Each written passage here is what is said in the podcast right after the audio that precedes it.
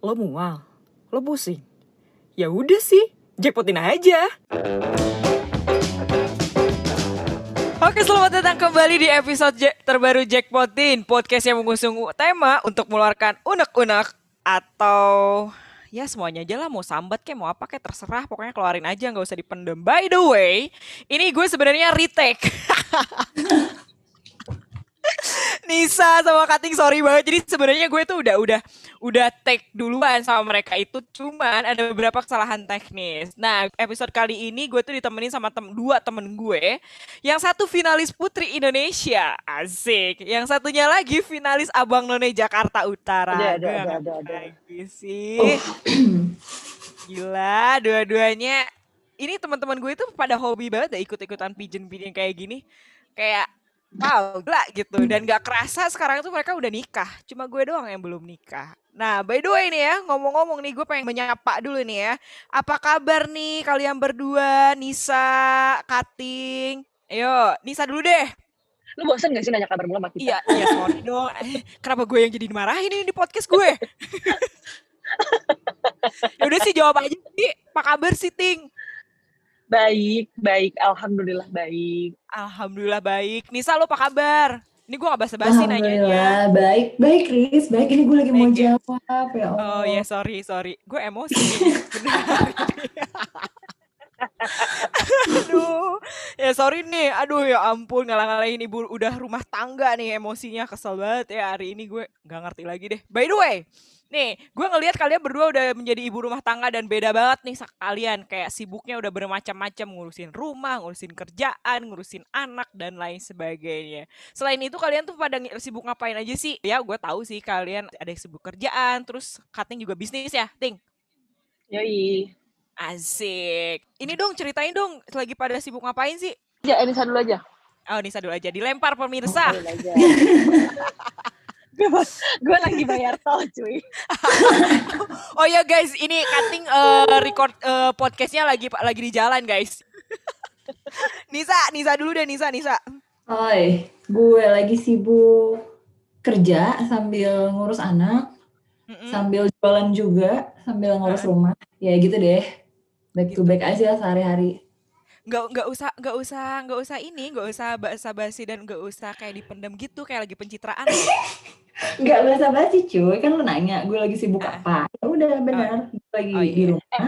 Tapi Kerja. itu loh, tapi itu loh Gitu. hebatnya ibu rumah tangga. Riz. Kenapa tuh? Gue Kenapa emang? gue kayak banget panggil Rizka, karena gue panggil Gun aja. Iya, nggak kagak ada yang tahu gue dipanggilnya Rizka cuy, Gun semuanya. Kenapa emang Iya kayak kayak, kayak Nisa, kayak Nisa gitu kan. Maksudnya dia udah kerja kantor, udah ngurus Heeh. anak juga, tapi masih nyempetin buat jualan. Lo ngerti gak sih kayak ngurus anak sama kerja kantornya tuh udah hektik banget pasti kan hidupnya Emang iya? kan. Tapi ya udahlah iseng-iseng jalan lagi gitu. Gue sih Kadang gue juga suka mikir sih. Kadang gue suka mikir sih kayak, kok gue kayak ngeribet-ribetin diri gue sendiri ya. Tapi gue suka ngejalaninnya kayak Bener, bener banget. bener kegiatan-kegiatan banget. kegiatan-kegiatan di luar ngurusin anak itu tuh jadi Mm-mm. hiburan cuy ya di tengah pandemi kayak gini kayak masak aja tuh jadi hiburan buat gue sekarang Oh, iya ya. Gue sih belum ngerasain ya guys.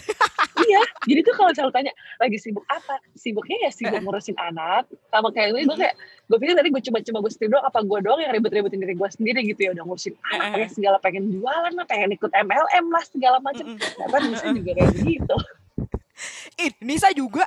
Nisa gue lihat intinya adalah lo berdua tuh gue lihat-lihat di Instastory tuh nggak ngurus anak iya, kerja juga iya, bisnis juga iya. Kayak, hey, lo pada kagak capek apa? ya? Cuy, serius ya, kegiatan-kegiatan di luar rutinitas tuh ya, eh, rutinitas tuh maksud gue kayak kerja kan kalau gue rutinitas kerja sama ngurus anak ya. Nah kegiatan-kegiatan di luar itu tuh kayak misalnya eh, jualan tadi atau kayak misalkan sekarang gue lagi suka ikut-ikut kelas pare- eh, parenting gitu misalnya. Nah dua itu tuh justru bukannya malah makin gue tambah stres sih, enggak. Itu justru stres gue gitu. Jadi kayak keluar dari rutinitas sejenak, keluar dari eh, apa sih yang biasa, yang nggak biasa kita lakuin gitu ya sehari-hari. kayak Itu kayak refreshing gitu ya Iya, kayak refreshing, sekaligus challenging sih. Tapi itu salah satu cara untuk stress release juga gitu sih kalau di iya gue. betul betul gue setuju gue setuju Oh gitu ya. Anjir gue dari tadi kayak nyimak, eh, gue nggak bayangin sih sebenarnya kayak yang kemarin kita podcast kemarin itu tuh eh, yang retake itu, eh gue ngebayanginnya kayak gue nggak jujur ya gue belum sanggup sih harus ngurusin ini gue aja ngurusin kerjaan gue aja udah kayak eh uh, gitu. Cuman dari banyak kesulitan itu tuh di masa muda apalagi ya lo berdua masih muda lah ya gitu. Usianya belum 35 tahun kan lo berdua. Belum. Belum, Bu. masih 17 masih Kalau 17 enak 35, aja. Lu berapa, Riz? Mohon maaf. eh anjir gak usah kayak gitu. Kita berdua tuh cuma beda berapa tahun gue eh anjir gue 30 tahun cuy. Bentar lagi. Kan? Eh, kesel banget gue. By the way nih ini kan masih di masa muda ya. Terus kayak lu pada kayak ngurusin kerjaan lah ngurusin anak lah ngurusin suami lah ya kan? Lo lo suami lo juga pasti nggak bakal ditinggalin kan? Itu ya, iya. kalian tuh gimana ya? Sulit banget gak sih? Kayak lu pada tuh kayak nggak stres apa Assalamualaikum, gue nanya nih sama lu berdua. Ini gue podcast berasa sendiri, mohon maaf. Kesel banget. gue menunggu arahan lo mau Gue- denger gue dulu apa denger Nisa Oh. dulu gitu Nah. Ya udah, siapa aja dah yang nyaut dah. Gak enak ntar kayak lagi rebutan kayak di mata Najwa kita. Ntar di mute lagi. Iya. ntar kayak cer Enggak, enggak. kayak cerdas cermat nih kita nih Ya udah dah, lu dulu nih. Lo tuh nggak stres apa ngurusin da- lain dan Oh. sebagainya? Stres kalau di- diikutin sih bakal stres ya, Riz. Maksudnya kayak lo di rumah, gue di rumah udah hampir setahun ya. Eh, maksudnya gini, d- dari yang tadinya kerja di kantor sama kerja di rumah tuh beda banget gitu ya auranya. Hawanya tuh beda banget. Kayak misalkan dulu sebelum pandemi ini, kita kerja di kantor itu jelas gitu lines-nya gitu. Borderline itu jelas banget. Kayak lo di kantor 9 to 5 gitu, kerjaan lo ya itu gitu. Sampai rumah lo maunya istirahat, makan, main sama anak, lo ngobrol sama suami lo kayak gitu.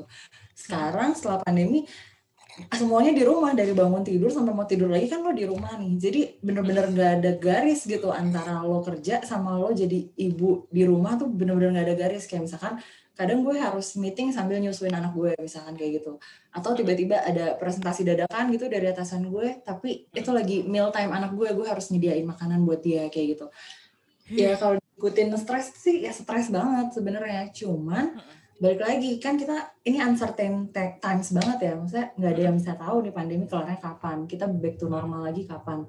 Jadi kalau gue sih pribadi eh, try to find the blessing in disguise-nya gitu. Artinya adalah? Ada silver liningnya gitu. Maksudnya kayak dari setiap yang eh, menyebabkan kita stres menyebabkan kita aduh gak enak banget nih asli gue harusnya nggak kayak gini. Harusnya gue pengennya normal-normal aja itu ada hikmahnya kok di balik semua itu. Ternyata setelah gue eh, pikir-pikir lagi gitu dan akhirnya bisa disyukurin yaitu gue nggak melewatkan tuh milestone milestone anak gue. Kayak perkembangan anak gue tuh tiap hari tiap bulannya apa sih dia udah bisa apa udah bisa apa itu gue nggak kelewatan gitu. Itu sih yang bikin gue eh, apa ya ibaratnya mengobati rasa stres itu lah kayak ya bersyukur aja gitu. Lo sekarang di rumah ada untungnya lo bisa lebih eh, close monitoring banget nih ke perkembangan anak lo. Lo bisa masak setiap hari buat suami lo kayak gitu sih. Jadi kalau dibilang stres ya iya. Cuman balik lagi kalau misalkan kita mau ikutin yang namanya stres ya nggak ada habisnya gitu kan. Jadi kita try to find hikmahnya gitu. Kayak cari aja hikmahnya yang bikin lo seneng itu sih. Gitu kalau gue. Kalau Kating gimana Jadi lo setuju sih lu gak nanya Rizal Oh, iya, iya, iya. Ting, ting kalau lu gimana ting kalau lu? lu kurang kurang kurang minum kayaknya lu Gun. Kurang Ya, fokus gue- nih Iya nih terus. Gue setuju sih sama Nisa kayak Heeh. kalau ngurusin gue yang ngurusin anak doang ya kasarnya kan nggak nggak kerja kantor juga aja. Rasanya stres juga pasti stres sih. Tapi kalau misalnya lu lu kasih makan terus tuh stres lu ya lu akan Mm. jadi ke mana-mana lu jadi ngomel sama suami lu lu ngomel sama anak lo dan itu akan Mm-mm. bikin lu makin capek gitu loh nggak jadi malah apa ngerugiin lo balik gitu loh Iya nggak nyelesain masalah jadi Mm-mm. jadi kalau gue sih stres kalau ditanya stres apa enggak pasti stres cuma ya udah kita cari hibur-hiburan yang bisa didapetin lah kayak ya itu tadi gue bisa tahu perkembangan anak gue kan gue ikutin terus Mm. kan karena kan gue kan nggak pakai nanny kan paling kan ada mbak Mm. aja di rumah mm-mm. terus gue jadi bisa ngulik-ngulik menu baru iseng-iseng Mm. masak ini masak oh ternyata gue bisa nih bikin menu-menu restoran di rumah gitu oh, ternyata gampang bikinnya ada hikmahnya sih kayak gitu terus kayak gue jadi tertarik sih untuk coba coba jualan. Tadinya kan tuh kayak aduh gue gak bakat jualan gak bisa gue jualan gitu kan. Kata oh kata gue bisa kok gitu loh. Jadi kayak Cilok ya bun. banyak oh bukan lagi bu. Nisa Tolong ya, juga pendengar- sampai jualan pendengar- juga gue lihat tuh. jackpotin tolong beli cilok gue ya. eh boleh loh promosi loh nanti di podcast gue sumpah. Sumpah sumpah boleh loh. Mumpung mumpung belum ada tarif endorse-nya kan ya tolong ya eh listener listenernya nih, cie listeners. Boleh boleh boleh. Nanti gue ini gue akan promosi itu tenang. Cuman gue tuh ya kayak ngedenger lo berdua tuh kayak oh keren banget sih lo berdua. Sumpah ini kagak peres gue.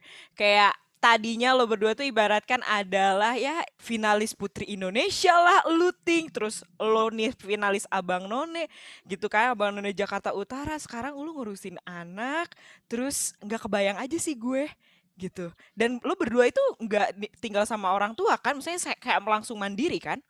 Iya nggak? Mm. nggak ada neni juga kan? Gue nggak ada ini tapi ada mbak di rumah. Mbak maksudnya yang bantu beres-beres ada Tapi mbak kalau- ya? Kalau anak gue prefer ngurus sendiri sih.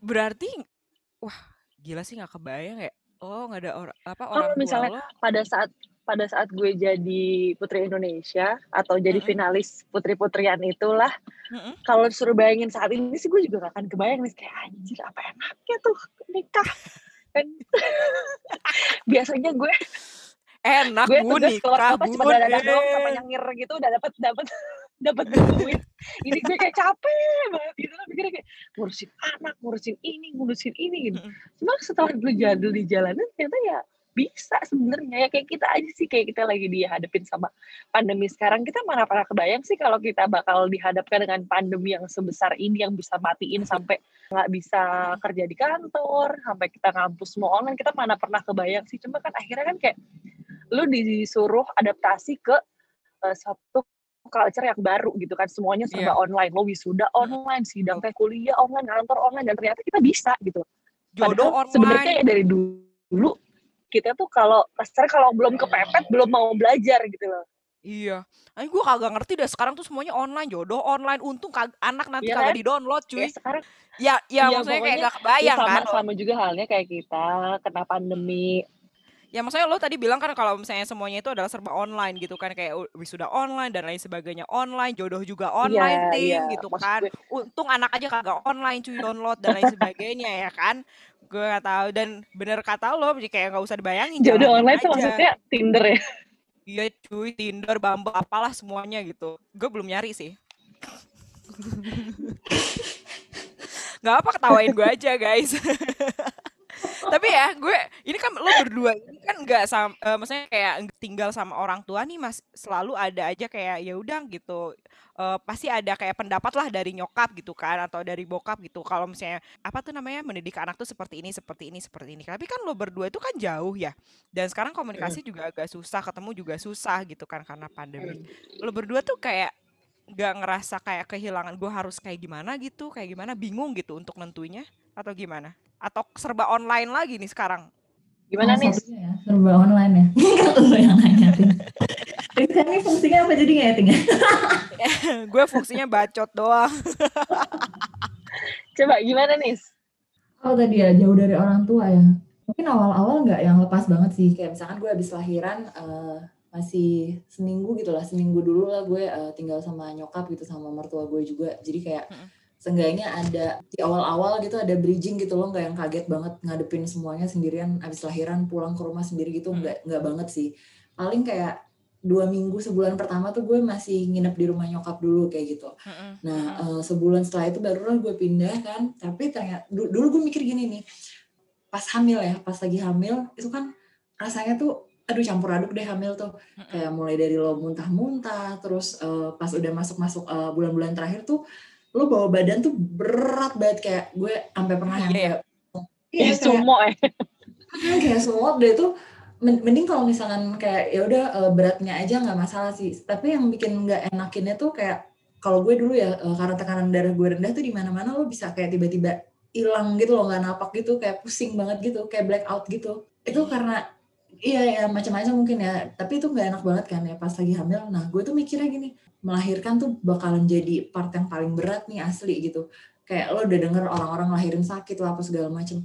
Tapi ternyata hi- kehidupan setelah melahirkan itu yang justru yang menurut gue challenge banget gitu ya. Kalau melahirkan kan hamil melahirkan 9 bulan lahir selesai gitu kan. Tapi kehidupan setelah itu kan nggak ada nggak ada limitnya gitu ya. Kita ngadampingin hmm. anak kita dari lahir sampai dia dewasa gitu insya Allah. Nah begitu uh, benar-benar pisah sama orang tua gitu pas uh, masuk ke rumah sendiri nggak terlalu los karena di awal mungkin gue emang dari sebelum sebelum melahirkan udah lumayan sering cari-cari ilmu juga sih kayak misalkan apa sih dulu ya uh, gentle birthing kayak gitu gitulah yeah. terus Iya, yang ada kelas-kelas menggendong, terus kelas-kelas yoga kayak gitu-gitu lah. Udah udah cukup uh, terbekali gitu ya, karena zaman sekarang tadi yang lo bilang juga sih, Riz, uh, apa-apa online gitu ya. Sekarang enaknya ya kita bisa cari info, cari ilmu juga dari si online itu gitu. Jadi kalau ditanya, lo gimana nih uh, abis lahiran, uh, nikah, lahiran, punya anak, gimana lepas dari rumah orang tua gitu ya? gimana ya nggak nggak terlalu berat karena memang dari sebelum sebelumnya mungkin udah ada uh, preparationnya tersendiri gitu sih kalau di gue. Oh, okay. gitu. Lu juga kayak gitu juga ya Ting ya? Iya, karena enaknya sih enaknya di zaman sekarang itu kita semua udah canggih kan. Maksudnya apa ilmu juga udah banyak berkembang, yang namanya metode-metode pembelajaran tentang how to treat a baby, newborn tuh kayak gimana. Udah banyak ilmu-ilmunya gitu. Kayak udah gampang banget nih kalau lo nggak bisa tuh namanya lu nggak mau belajar gitu kalau menurut gue ya oh. kalau kayak aku nggak bisa nih mandiin bener, anak bener, bener. gitu pasti pasti lu bisa gitu pasti lu bisa sekarang lu YouTube aja juga ada tutorial yang mandiin anak gitu oh iya yeah. jadi kayak ada kayak lu kalau lo bilang ada hal-hal yang lo aduh gue nggak bisa kayak nggak mungkin banget sih kalau di dunia sekarang yang super uh -uh. ada Google ada YouTube kayak iya. semuanya jadi memudahkan gitu kalau lo menggunakannya tuh bener jadi nggak nggak no worries sih nggak ada pendamping parents uh, apa mm-hmm. orang tua kita dua-duanya gitu yang nggak masalah. Yes. kita juga mandiri bisa bisa bisa mandiri. Sebenarnya okay. sebenarnya kan ada ada eyang atau ada apa kakek nenek amihnya amih api harus kan. Itu ngebantu sih ngebantu ngebantu banget. Gue diajarin mandiin anak kan sama nyokap gue juga. Cuma sebelum itu gue udah udah udah ikut kursus kursus kayak mandiin anak, cara eh, menyusui. ada gitu. kursusnya? Gitu.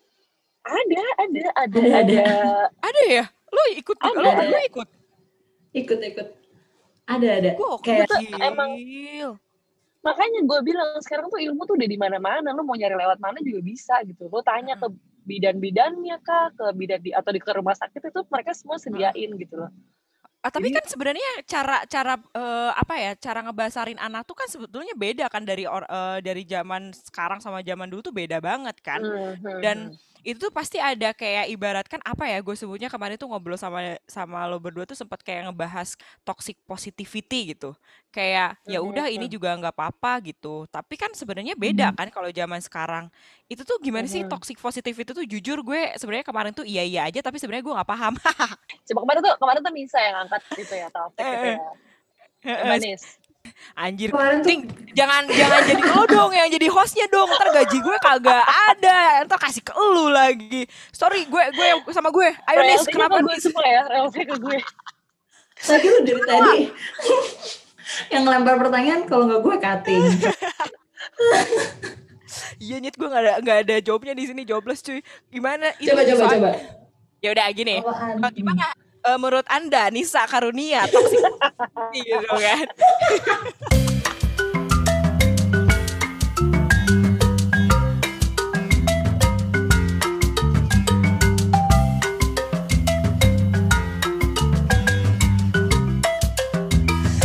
Karena gue clueless banget cuy. Karena kan tadi juga kalian ngebahas mengenai ngebesarin anak-anak kan. Tentunya ada perbedaan ngebesarin anak-anak zaman dulu sama zaman sekarang. Dan itu tuh Betul kadang sekali. ada yang memaklumi ya udah nggak apa-apa kayak gitu gitu kan. Kadang ada juga kayak yang enggak lah karena ke jam sekarang tuh gini gini gini. Terus gue langsung keinget oh itu tuh apakah masuk toxic positivity atau gimana? gitu. Soalnya ini penting banget nih sama ibu-ibu muda gitu penting banget menurut gue. Soto enggak gue? Ayo Nis. Awalnya toxic positivity itu kan asalnya dari lu duluan nih Riz yang bilang lu gimana sih nih zaman sekarang kan kita nih ibu-ibu ibu-ibu muda gitu sekarang pakai sosmed gitu ya nah lu ngerasa gak sih kalau di di sosmed tuh uh, banyak orang yang saling nge-compare gitu anaknya gitu anak gue udah bisa begini anak gue udah bisa begitu kayak gitu itu gimana sih lo menghadapinya terus kayak gimana sih uh, tanggapan lo tentang uh, orang tua atau lo gitu dianggap sebagai orang tua yang ambi? Kayak gimana sih? Gitu kan awalnya kan. Nah kemarin tuh gue jawab Al Kating sih yang bilang bukannya ambi tapi berharap gitu ya punya berharap, harapan. Nah, kita punya harapan, harapan. benar-benar benar punya harapan yang uh, terbaik buat anaknya gitu kan. Nah gue timpalin uh, harapan dan juga usaha gitu kan. Usaha gimana caranya kita ngasih yang terbaik gitu buat anak-anak kita jadi sebenarnya isunya sih kalau yang gue lihat dan gue alami yang mungkin cutting juga rasain ya uh, di sekeliling juga bukan karena kayak ngerasa terancam gitu. Oh ibu-ibu banyak banget nih sekarang yang yang belajar ini belajar itu anaknya udah bisa begini anaknya udah bisa begitu. Justru bukan sih kalau di gue malah itu jadi motivasi sih. Maksudnya kayak wah dia bisa begini dia belajar ini dia develop ke sini sini sini. Ilmu parentingnya udah begini begini begini. Kenapa gue nggak bisa gitu? Kalau gue sih lebih kayak gitu. Kalau misalkan kita ngomongin uh, ambi nggak ambi ya Nah, justru yang sekarang jadi isu adalah yang menghambat kita ke proses develop itu gitu, ke proses belajar itu sebagai orang tua yang baik buat anak kita adalah hambatannya di toxic positivity ini gitu. Jadi okay. ini mungkin awalnya mindset orang tua ya, tapi juga sih karena banyak juga nih uh, ibu-ibu yang seumuran kita gitu yang uh, mungkin karena mereka kelilingnya kayak gitu lingkungannya seperti itu juga jadi ya udah mereka kayak nggak upgrade ilmunya jadi ngerasa nyaman gitu dengan apa yang mereka hadapin padahal itu bisa jadi salah satu tanda masalah di perkembangan anaknya kayak gitu sih Res. Jadi, ini curiganya kayak lo sempat ngalamin gitu ya curhat aja. Gak apa-apa curhat aja bener kan Ting kan gue Ting. Serah. Gak apa-apa lu sempat ngalamin ya sih ya? Contohnya yang ke lu gimana? Sempat, sempat, sempat. Uh -uh. Ibu gak bisa sebut sih kayak adalah gitu ya. Adalah cerita nih aduh anak gue eh, nggak uh, bisa nggak bisa ini gitu nggak bisa A gitu. Nah kalau di gue gitu gue bukan yang membil membanding bukan membandingkan ya. Bukan mendisklaim gitu kalau cara parenting gue itu cara yang paling baik. Nggak nggak sama sekali gitu. Mungkin ada berbeda-beda ya pandangan orang terus pendapat orang terus mereka mau implement ke anaknya tuh terserah mereka masing-masing kan tuh pilihannya. Cuman kalau misalkan ada pertanyaan seperti itu terus nanyanya misalkan ke gue gitu gimana ya nih anak gue belum bisa begini begini pasti uh, dan kalaupun itu kejadian di anak gue sendiri gue pasti akan ngelihat timelinenya tumbuh kembangnya dia gitu. Kalau misalnya ke dokter itu ada milestone-nya hmm. milestone-nya jadi kayak berapa bulan sampai berapa bulan bisa apa berapa bulan bisa berapa bulan bisa apa kayak gitu. Nah selama range waktu itu kayak lo terus stimulasi nih misalkan jalan gitu jalan itu normally uh, anak 10 sampai 18 bulan kalau gue nggak salah ya Nah, di antara rentang waktu itu tuh lo harus terus-terus stimulasi. Nah, let's say kayak dia anaknya udah mau 20 bulan tapi belum bisa jalan kayak gitu. Hmm. Nah, kalau itu anak gue, gue pasti akan uh, langsung ke dokter gitu karena ini saya nih udah lewat dari red flag-nya. Red flag tuh kayak deadline-nya ibaratnya gitu ya. Deadline-nya tadi 18 bulan. Lewat dari situ uh, belum bisa ya udah lo harus ke dokter gitu lo harus seeking for help gitu. Kalau misalkan dari masih sebelum sebelum itu misalkan 14 bulan 15 bulan itu lo masih bisa terus stimulasi. Tapi kalau udah lewat dari itu lo harus uh, seeking for help tadi. Nah ada nih orang-orang yang justru kalau misalkan ada yang seperti itu ada yang curhat gitu misalkan anak gue udah 20 bulan belum bisa jalan nih gimana? Ya ada nih toxic positivity ini contohnya kayak gini ah nggak apa-apa anak gue dulu dua tahun baru bisa jalan kayak gitu-gitu loh kayak ah nggak apa-apa kakaknya aja dulu dua tahun uh, jalannya juga masih belum bisa sendiri kok masih dituntun kayak gitu-gitu. Maksudnya mungkin maksudnya baik ya positif kan di situ. Kayak ya udah lo jangan stres gitu lo jadi ibu harus waras gitu biar anak-anak lo uh, seneng bla bla bla. Tapi sebenarnya itu toxic nyet karena lo harusnya di situ udah mulai alert tuh nih ada apa-apa nih gitu. Gue harus usaha nih biar anak gue uh, bisa normal gitu milestone-nya bukan dengan nggak apa-apa nggak apa-apa itu sih kalau di gue Gimana Ting lo udah pernah mengalami hal yang sama? Eh gue lagi. Sorry Res. Coy gue jobless dong. Ting, ayo Ting gimana Ting? kalau gue sama sih kayak Nisa kalau kalau sepemahaman gue ya biasanya kan di satu bulan milestone anak tuh dia akan bertumbuh tumbuh tumbuh tumbuh terus biasanya tuh kualifikasinya di, di buku milestone itu tuh kayak ada empat misalnya bulan bulan 10 lo harus bisa A B C D gitu terus anak kita baru bisa D doang nih padahal uh, harusnya itu bisa tiga di antara A B C D itu gitu. Baru bisa D doang. Lah itu baru baru itu udah masuk red flag red, red flag gitu loh.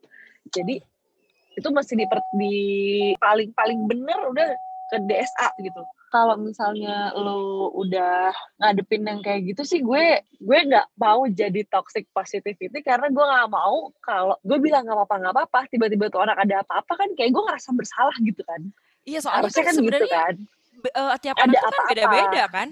Iya. Tiap anak tuh beda-beda, iya, tiap, Benar nggak? Tiap anak tiap anak beda-beda. Tapi kalau kita ikutin ini kan gue sekarang ini kan panduan gue gue tuh mengikuti banget si IDAI ini kan Ikatan Dokter Oh. Anak Indonesia ini kan. Iya, Jadi perlu itu. memang gue ikutin lah semuanya yang dari dari dari mereka gitu kayak standarnya anak umur segitu udah bisa apa nah ketika anak gue belum bisa ya kalau gue pribadi pasti gue tanya paling minimal gue tanya ke dokter anaknya anak gue atau ya gue tanya teman-teman sekeliling gue gitu. Dan Mm-mm. misalnya ada yang toxic positivity itu kasarnya kayak lu jelek lu ngajak-ngajak gitu loh. Kalau gitu menurut gue ya kayak Ah. Asli asli. kayak iya kan? Lu jelek lu ngajak-ngajak gitu. Kayak eh, kayak lo aja nih Gun. Eh masa eh, gaji gue dipotong nih gara-gara apa WFH di rumah gitu. Terus lo cerita apa temen lo gitu gaji gue dipotong gara-gara WFH di rumah. Padahal kan gue kerja kerja juga. Udah nggak apa-apa terima aja. Gue juga begitu kok. Gitu. Padahal kan harusnya kan nggak kayak gitu gitu loh? Emang harusnya kayak gimana ya? lu rugi terus lo ngajak-ngajak gitu loh. Oh iya sih, benar juga ya. gitu loh. Maksudnya kayak Oh, kayak gitu kayak atau apa ya kayak analoginya yang yang lebih yang lebih ini ya pokoknya yang yang tidak seharusnya tapi lu ngajak-ngajak nah itu namanya toxic positivity gitu. Iya tapi sebenarnya banyak tahu ibu-ibu yang kayak gitu. Iya banyak banyak banget. Gue juga pun temen gue ada yang kayak bahkan ibunya sendiri ya. Gue kan sebagai kasarnya gue orang lain lah dari antara antara mereka gue nggak tahu persis perkembangan anaknya dia kayak gimana. Cuma kan kalau Heeh. dia nanya ke gue ya gue jawab dong. Kenapa nggak ke dokter? gitu kan. Heeh. tapi tante aku nggak apa-apa kok. Jadi anaknya umur mm, lima tahunan gitu. Lima tahun apa enam tahun tapi ngomongnya tuh masih belum lancar gitu terus Oh, ya ibunya ibunya sendiri padahal umur tiga tahun itu maksimal anak harusnya udah bisa ngomong lafal yang lancar gitu udah udah nggak yang capek capek capek capek capek gitu yang yang kita benar-benar ngerti jelas tuh tiga empat tahun harusnya udah bisa Oh gitu. terus ini lima lima tahun belum bisa terus diiyakan aja itu salah Hmm. sih kalau menurut gue ya I- Iya sih, em- tiap orang tuh kan kayak beda-beda ya, bener. Istilahnya itu tuh toxic positivity itu tuh jangan memaklumi hal yang jangan memaklumi bukan sih? Kalau bisa gue Iya bilang. Iya, jangan- jangan memaklumi hal yang mungkin dulu dianggap biasa karena kita belum kayak ilmu kayak sekarang gitu kan Heeh, semua sekarang kan serba ada researchnya Heeh. ada alasannya kenapa nggak boleh kenapa boleh gitu kan Heeh. kalau dulu kan kayak anak umur dua bulan dikasih makan pisang ah dulu nggak apa-apa gitu kan Heeh. umur dua bulan sekarang kan maksimal enam bulan baru boleh dikasih makanan padat gitu Oh, oh kalau dulu kan gitu. baru umur BLW umur BLW kayak gitu? Itu juga sebenarnya nggak masuk dalam idai sih ya nggak sih Oh, iya gue gue kalau ngebahas gue gue kalau ngebahas itu mau ngebahas itu takut cuy karena kan ada beberapa iya terkenal Ada. kan yang Itu- involved di situ kan. Iya, Iya, itu iya. tuh beda beda cara pandang sih dan itu mesti spesialisasinya mesti bener-bener lu mesti ada dokter yang memang pro dan dia bertanggung jawab gimana Hmm. cara treatment anak lo kalau misalnya dia tersedak kah entah apakah treatmentnya gimana gitu. Boleh loh Nis, gitu ini dia ditanggepin Nis. Jangan diam aja Nis. gue nggak nanggepin yang BLW sih soalnya gue nggak anut paham itu ya. Iya ya, Jadi- soalnya gue juga baca-baca. Iya, sema- eh, selama gue kerja eh, waktu itu gue sempat kerja ya, lo tahu lo, lo berdua tahu kan, gue sempat kerja di salah satu brand untuk ibu dan anak lah ya, gitu kan. Dan untuk kalau misalnya ngebahas itu gue nggak terlalu untuk pengen ngebahas itu, even itu juga kalau misalnya gue ngobrol dengan eh, ya IDAI, eh, dokter-dokter yang dari IDAI itu juga gue Ah, gitu gitu karena itu beda lagi lah. By the way, untuk yang toxic positivity ini sebenarnya eh, apa ya? Banyak banget ibu-ibu yang memang ngerasa kayak eh, melakukannya juga sebetulnya, iya nggak? Kayak eh, banyak banget kejadian dan lain sebagainya. Cuman gue tuh eh, masih bingung sih gitu. Apakah itu tuh memang udah lumrah atau memang sebenarnya tuh kayak diada-adain aja gitu, yang kayak gitu tuh. Sebenarnya kalau dari segi pandang gue ya, toxic positivity itu kayak lo fighting sama diri lo sendiri. Lo kayak denial jatuhnya. Oh, denial. Jadi kayak- Contohnya? denial kayak misalnya gue lihat nih sebenarnya anak gue ini sakit nih kayaknya nih misalnya ya misalnya kayak gitu kayaknya anak gue sakit nih dia udah panas udah melet segala macam. Kayak anak gue sakit nih. Tapi dia tuh ah enggak dia nggak sakit. Dia sehat kok dia sehat. Ya, akhirnya karena karena kita positif ke diri kita sendiri kalau anak kita sehat terus telat telat penang telat penanganannya nggak dibawa ke dokter. Cepet segera segera. Akhirnya sakitnya malah makin parah gitu amit amitnya gitu. Itu toxic positivity menurut gue. Tadi lu sempat ngebahas mengenai toxic positivity, positivity. Ya nggak sih kalian? Gitu ya, bener ya? Terus Iya. Mak, kenapa tiba-tiba lo berdua ngebahas ke ambisius ya? Apa hubungannya dah? kan tadi balik lagi nih kalau yang toxic positivity itu kan lo kayak uh, semacam denying gitu ya kayak uh, ah nggak apa-apa nih nggak ada nggak ada yang nggak beres gitu kan di anak gue uh. nah orang-orang yang membenarkan pemahaman ini itu kalau uh -uh. kalau di gue sih ya di lingkungan gue uh, tipikalnya nih orang-orang seperti ini tuh akan cenderung nyinyir gitu ya. Mohon maaf nyinyir. Orang-orang uh. yang nggak sepemahaman gitu. Maksudnya gini uh, misalkan ya soalnya soalnya jujur beberapa beberapa kali nih gue sempat kena juga sih dan agak lumayan uh, nyebelin sih. Kalau dibilang sakit hati sih enggak sih. Cuma ya nyebelin aja dan ya udah cukup tahu gitu. Jadi misalkan nih uh, contoh realnya aja daripada kayak bingung kan maksudnya orang real kehidupan nih kayak ini nih ya asli curhat curhat curhat. Boleh lo ting lo tanggepin gak apa-apa lo berdua aja ngobrol. Lu ngapain ya gue nonton aja terus.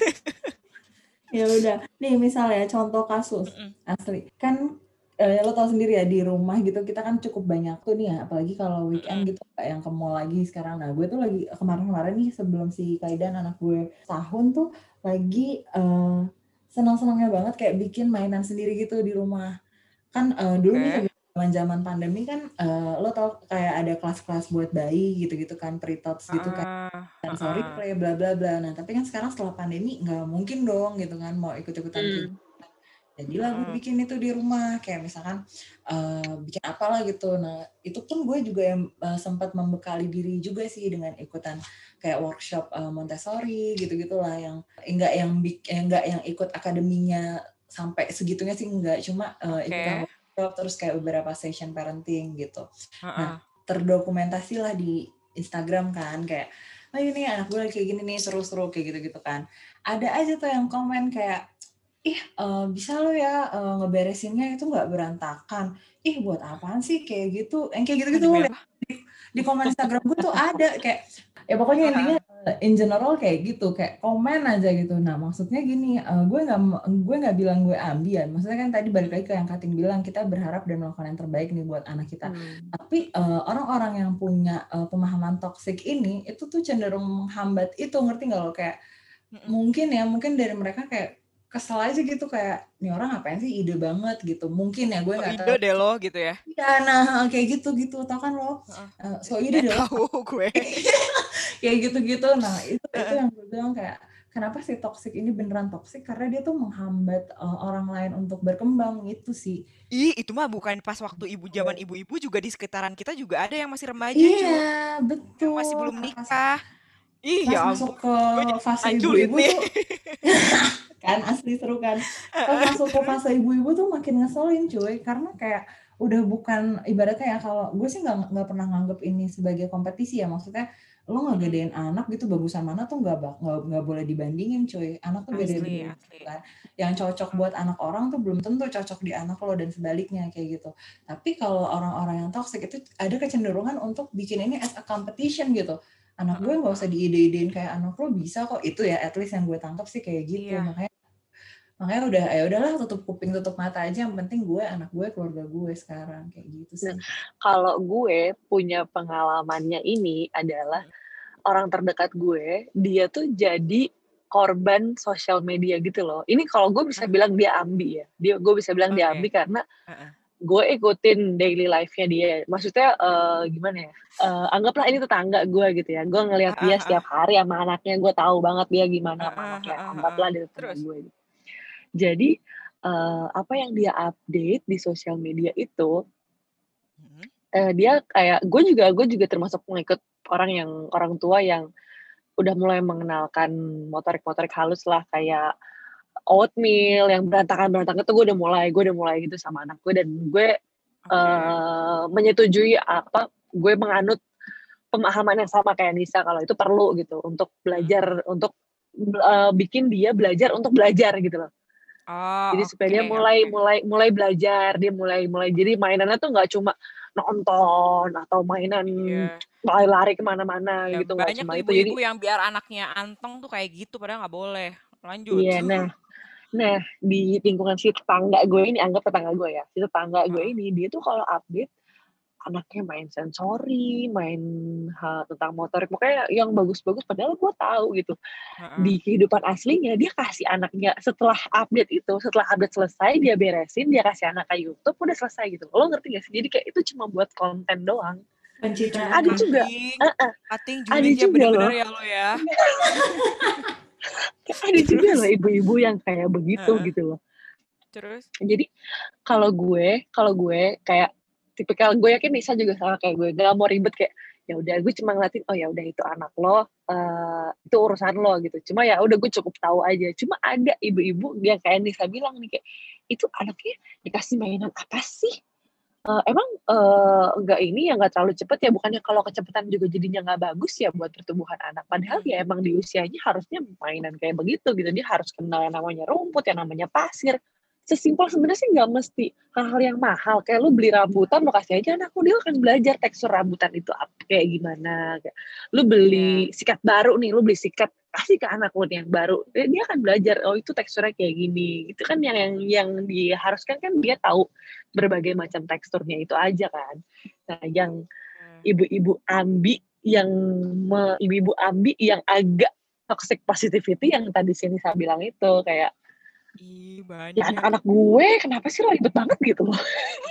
Jadi apa ya maksudnya adalah kayak ya udah sih lo nggak usah ngeribetin eh, untuk ngurusin anak orang ngasih tahu boleh tapi jangan Heeh. sampai kayak memaksakan ngerti gak lo? iya Soalnya kalau misalnya yang maksain kayak gitu jatuhnya kayak lu misalnya gue gue punya anak nih ya kan terus gue kasih tahu ke Nisa gitu kan kayak Nis ini kayak gini gini gini gini gini terus lu nggak nurut sama gue gue jadi julid. Malah kayak gitu jadinya rumpi cuy. Iya terus eh, apa ya kayak kalau gue nggak dimintain pendapat gue nggak akan kasih saran sih Nah itu sih. Lo ngerti itu gak sih?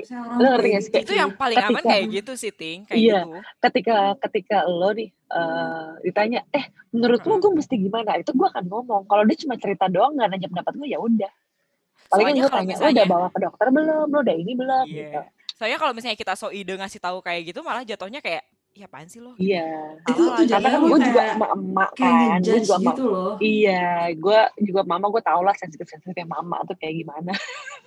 Eh berarti lo berdua sekarang udah sensitif dong kan udah jadi mama? Ya ada hal-hal tertentu yang dibahas tiba-tiba atau nggak sesuai dengan waktunya ya sensitif sih. Tiba-tiba langsung iya gun gue sensitif. Oke bye. Gue nggak ikut podcast lo ya. Jangan dong jangan gitu. Cuman menarik juga ya ternyata itu kayak hal Hmm. toxic positivity itu bukan hanya di kalangan anak-anak yang memang eh, kita seangkatan kita yang belum udah belum punya anak atau belum nikah gitu. Ternyata yang Hmm. malah ya adalah ke ibu-ibu yang makin menjadi ya yang udah punya anak Bener. gitu sebenarnya Iya. di semua kalangan sih ada akan ada aja sih orang-orang kayak gitu Iya. Walau udah jadi mama, udah jadi kayak kakek nenek juga kayaknya akan ada aja tuh. Iya sih, makanya gue tuh kayak ngelihatnya kalau misalnya you udah rum- ibu rumah tangga, kita tuh kayak positive vibe tuh harus bener-bener harus selalu nempel di diri kita gitu. Iya, Dan gimana caranya istilahnya harus tetap waras cuy. Iya nggak? Tapi tadi tuh kuncinya bener sih. Apa namanya tadi Kating bilang tuh kalau nggak dimintain pendapat ya udah sebaiknya nggak usah nggak usah ngomong gitu kan. Maksudnya ide, kayak ya gak usah ide, "Ah, nggak usah ide. Jadi kayak gak usah ngadi-ngadi lo ngomong-ngomong. Gak usah ngadi-ngadi dah lu gitu kan, gak usah so ide dah lu gitu kan. kayaknya judge nggak nggak ada yang nanya opini lo juga gitu kan. Nah itu aja nggak ditanya. Apalagi kalau lo cuma kayak eh, ngepost gitu di instastory update lo gitu kan terus nyinyir gitu komen gitu tuh lo buat apaan biar dikata apa sih? Kan lo bisa kalau misalkan mau komen kayak gitu kalau misalkan emang komennya itu bener-bener uh, sifatnya yang ngebangun gitu ya ya lo bisa aja japri kan. Lo uh, ini maksudnya uh, kayak gimana sih aktivitasnya? Emangnya buat apa sih? Emangnya di usia anak kita sekarang tuh uh, udah ada kelihatan efeknya ya? Kayak gitu-gitu sih jadi gitu maksudnya uh, kalau emang lo uh, tujuan komennya itu untuk komen yang membangun gitu ya uh, justru lo akan lebih Bahasanya pasti akan lebih enak ya. bener bahasanya enak Cara komunikasi. eh. enak heeh, di di ja- nggak usah nggak usah kayak lo langsung komen gitu misalkan di post gitu itu kan semua orang bisa lihat nah biar apa lo komen kayak gitu gitu kan kalau emang tujuan lo untuk ngasih saran ngebangun gitu atau malah bertanya dengan baik "Eh, gue pengen juga deh anak gue kayak gini siapa tahu ada yang bisa gue ambil nih ilmunya dari dia misalkan kayak gitu Ah, ah, lo ah, uh, japri gitu kan uh, instead of kayak lo ngomen gitu di Instagram post itu jatuhnya lo malah jadi nyinyir gitu sorry to say ya nggak sih Oh. Ya bukan bukan kita ibu-ibu nggak terima pendapat sana sini ya, cuma kita Hmm. lebih seneng diajak debat sehat gitu loh. Asli asli diskus aja gitu, nggak usah. Eh, discuss, dikasih discuss Iya. aja kayak pada. Mm-mm. Jadi gue punya pandangan A, terus eh, si Nisa punya pandangan B gitu. Oh ternyata Heeh. pandangannya beda-beda ya, tapi ada benernya juga ya pandangannya Nisa. Nah, terus Iya. Nisa juga ngambil ada benernya juga ya pandangan gue gitu loh. Jadi discuss ini- sehat aja sih lebih enak. Ini gitu. hati-hati kayak, nih, cuy. Kalau kalau gue ngelihat ya, eh, sorry gue potong jangan diamuk ya fansnya Kating. Jadi tapi kalau misalnya gue ada dengar itu sebetulnya empati ada empatinya juga loh. Itu beda loh sama toxic positivity, bener nggak? Iya beda dah, beda dong. Eh, gue tuh setelah gue dengerin dari lo semua itu kayak ibaratkan kayak ibarat gini, lo menyerah pada suatu hal nih gitu kan. Kalau udah nyerempet kayak udah udah lu jangan menyerah gitu, itu malah jatuhnya ke toxic positivity. Bener gak sih kayak gitu? Kebalik. Itu kan tergantung, tergantung lagi Tergantung ya? nih. eh, Gun kalau misalnya Heeh. lo kayak lo lo lari lo udah mau mati lo lagi lomba lari. Lo udah mau mati lo udah gak kuat gitu kan. Lo kayaknya kalau misalnya gue lanjutin lagi gue mati nih gitu kan. Tapi terus oh ya lo, lo bisa lo bisa tapi lo udah mau mati ya. Tapi lo kalau misalnya lo lanjutin itu lo kena toxic toxic positivity. Kalau misalnya lo nggak lanjutin ya lo berempati dengan diri lo oh gue udah gak sanggup. Jadi emang lo memaklumi ke tidak mampuan lo gitu loh. Ih, gila ya, gue sampai Google tahu gitu ya. lo? Gue sampai Google tahu nggak lo, berdua tadi ngomongin toxic positivity tuh langsung ke Ambi sebenarnya itu beda tipis cuy jatuhnya jadi mere- mere- merempet ke mana-mana jatuhnya, ya kan? Iya, iya. Jadi balik balik lagi toxic positive itu tuh yang kayak ketidakharusan tapi dipaksa atau dijejelin untuk menjadi seharusnya gitu loh. Atau Oh, kayak jatuhnya kayak normalan gitu cuy. Lo Oh. menormalkan sesuatu yang tidak normal gitu. Heeh. Jadi kayak oke. eh, yang nggak bener tuh di nggak papahin kayak gini nih. Misalnya Mm-mm. kita contoh lah, misalnya lo mabok di usia di usia kita umur segini kita mabok-mabokan gitu. Astagfirullahaladzim, Sebenarnya Kating. Kating nggak misalnya boleh. misalnya Emak gue nanti dengerin mabok Kating. eh iya. misalnya tante maaf ya Heeh. tante ini kan misalnya aja tante Eh, eh, eh, Terus. Gun lo pusing lo minum amer aja Gun. Mabok aja Gun gitu. Lo lo minum amer aja kan lo pusing. Udah minum amer aja nggak apa-apa. Gue minum amer kemarin pusing gue hilang gitu. Ada kata-kata pusing gue hilang itu sebagai positifnya. Tapi salah atau enggak gue bilang lo minum amer aja biar pusing lo hilang. Padahal kan lo kasar ya apa misalnya eh, ini alim-alim ya lo bisa sholat lo ibadah pusing lo juga bakal hilang lo nenangin diri gitu loh toxic positivity ini adalah hal-hal yang eh, sebenarnya tuh nggak seharusnya yang begitu gitu masih ada cara lain yang lebih bagus bukan bukan kayak gitu. Iya memang hilang. Pusing lo akan hilang. Lo mumet lo akan hilang. Lo minum amer lo mau mabok segala macam cuma kan nggak seharusnya begitu gitu. Oh, kayak memasakkan. kayak iya. Oh, oh iya gitu. emang anak gue akan tumbuh akan mungkin dia akan akan bisa nanti di umur 2 tahun Heeh. dia akan bisa jalan. Tapi kan seharusnya dia bisa jalan sebelum 2 tahun. Oh, oh gitu. Anjir, agak ini juga ya. Pusing gue anjir kayak ya Allah, gimana gue jadi emak-emak.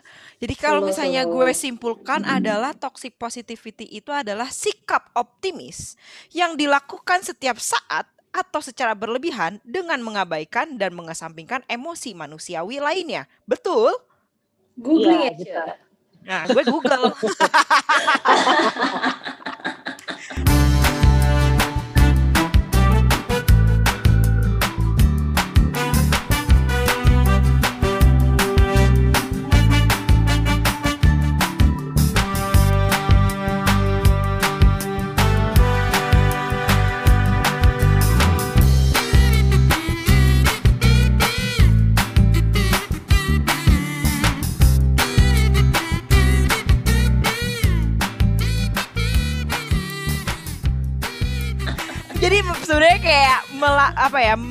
memaksakan suatu hal lah ya yang memang sebetulnya kayak ibaratkan gue lagi lelah dan lain sebagainya. Sebenarnya nggak apa-apa lo lelah segini wajar gitu. Tapi kayak ada orang yang memang kayak lo harus positif lo jangan lo, lo jangan kayak gitu bla bla bla bla gitu kan. Kayak niat boleh nggak sih gue ngeluh? gitu. Bukan ngeluh kan ada saatnya untuk ngeluh. Tapi ini si orang yang ini tuh malah kayak lo nggak boleh ngeluh nggak boleh apa gitu. Maksa banget niat gitu. Hmm, itu bentuk bentuk lainnya gitu kali ya. Kalau yang awalnya tadi ya ya udah nggak apa-apa nggak apa-apa itu bentuk eh, pertama. Nah bentuk lainnya ini sih yang menyerempet-nyerempet ambi itu oke gitu. ih ngeri juga ya ya Allah astagfirullahaladzim gue gimana gue nanti kalau udah sih cuy enggak gue jadi ngeri cuy di dalam pertemanan usia yang belum nikah aja sih, uh. iya ada loh uh, uh. itu belum belum punya anak aja kita tuh kepikiran gitu kan apalagi ketika aku udah punya anak ketemu sama ibu-ibu yang seperti itu ya kepikiran juga pastilah gimana kalau misalnya hmm. itu ibu-ibunya semuanya apa tuh namanya zodiaknya pisah semua pada baper kan sama cancer, cancer deh. ya kan? Sama, sama kayak gue. banget sama Nisa. Iya itu guys. Gila ya gue gue tepuk tangan sih sama lo berdua sampai kayak uh, apa ya maksudnya bisa menghindari atau bisa kayak menghandle hal-hal yang seperti itu. Karena itu nggak mudah menurut gue. Apalagi lo berdua itu kayak kes, uh, ya sibuk banget lah ngurusin suami iya ngurusin anak iya ngurusin kerjaan iya ngurusin bisnis iya. Aduh gila. Yang penting lo punya kemauan aja sih. Jadi lo mau apa enggak nikah nih Kok gue ditodong anjir. Kesel banget. Ya ya ya gue mau nikah lah Tapi belum saatnya gitu Cie. Dari semua perobrolan kita uh, malam ini nih ya Dari lo berdua Apa sih yang lo highlight gitu? Masing-masing yang lo highlight mengenai toxic positivity lah, ambil lah atau apalah dari mulai lo dulu deh Nis. Yang akan lo sampaikan nih sama ibu-ibu dari semua obrolan kita ya uh, toxic positivity atau kayak uh, fase toxic positivity di fase ibu muda kali ya kalau bisa dibilang ya. Yang gue highlight adalah uh, tadi sih gue udah sempat uh, udah sempat ngomong juga kalau apa yang cocok buat orang lain, apa yang cocok buat anak orang lain itu belum tentu cocok buat uh, lo dan anak lo gitu.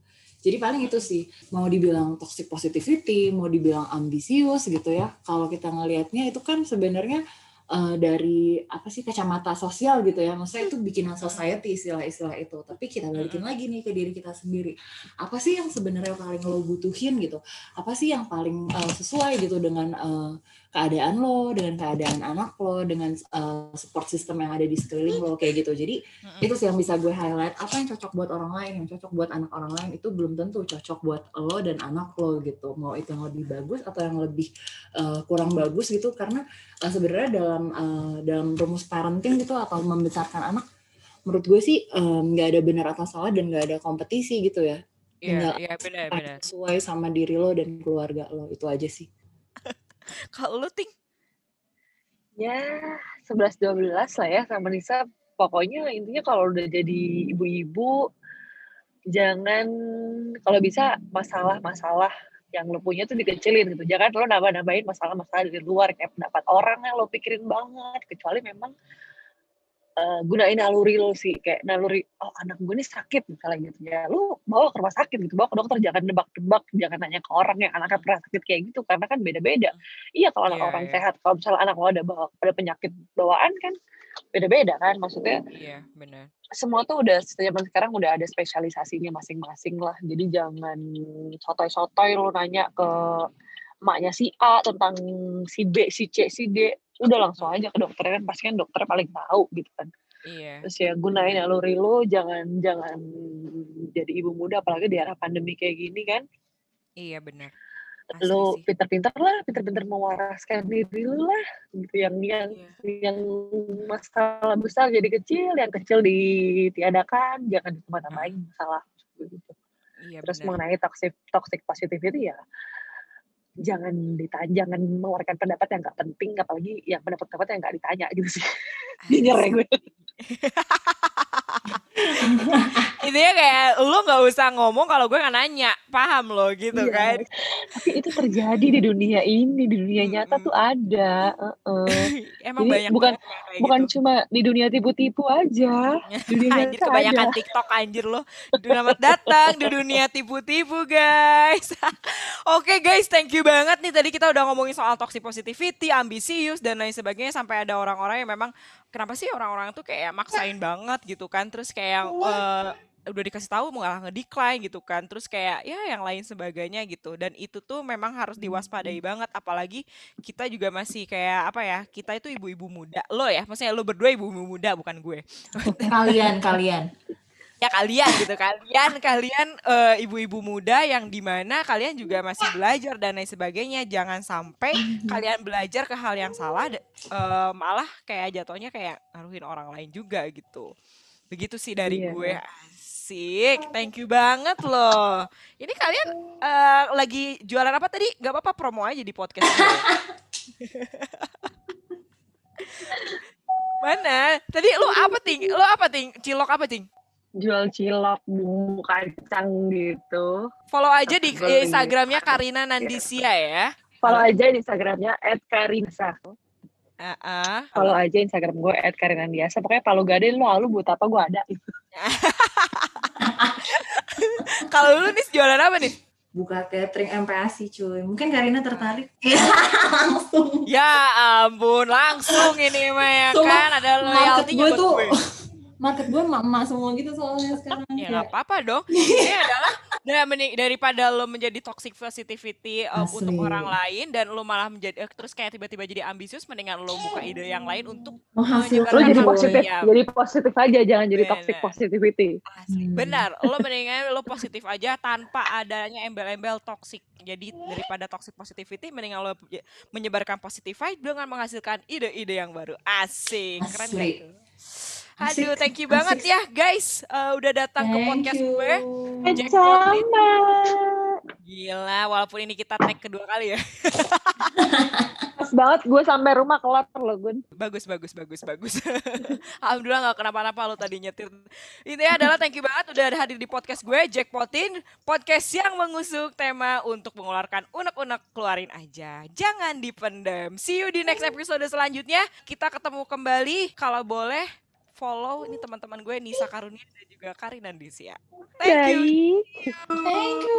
Bye bye.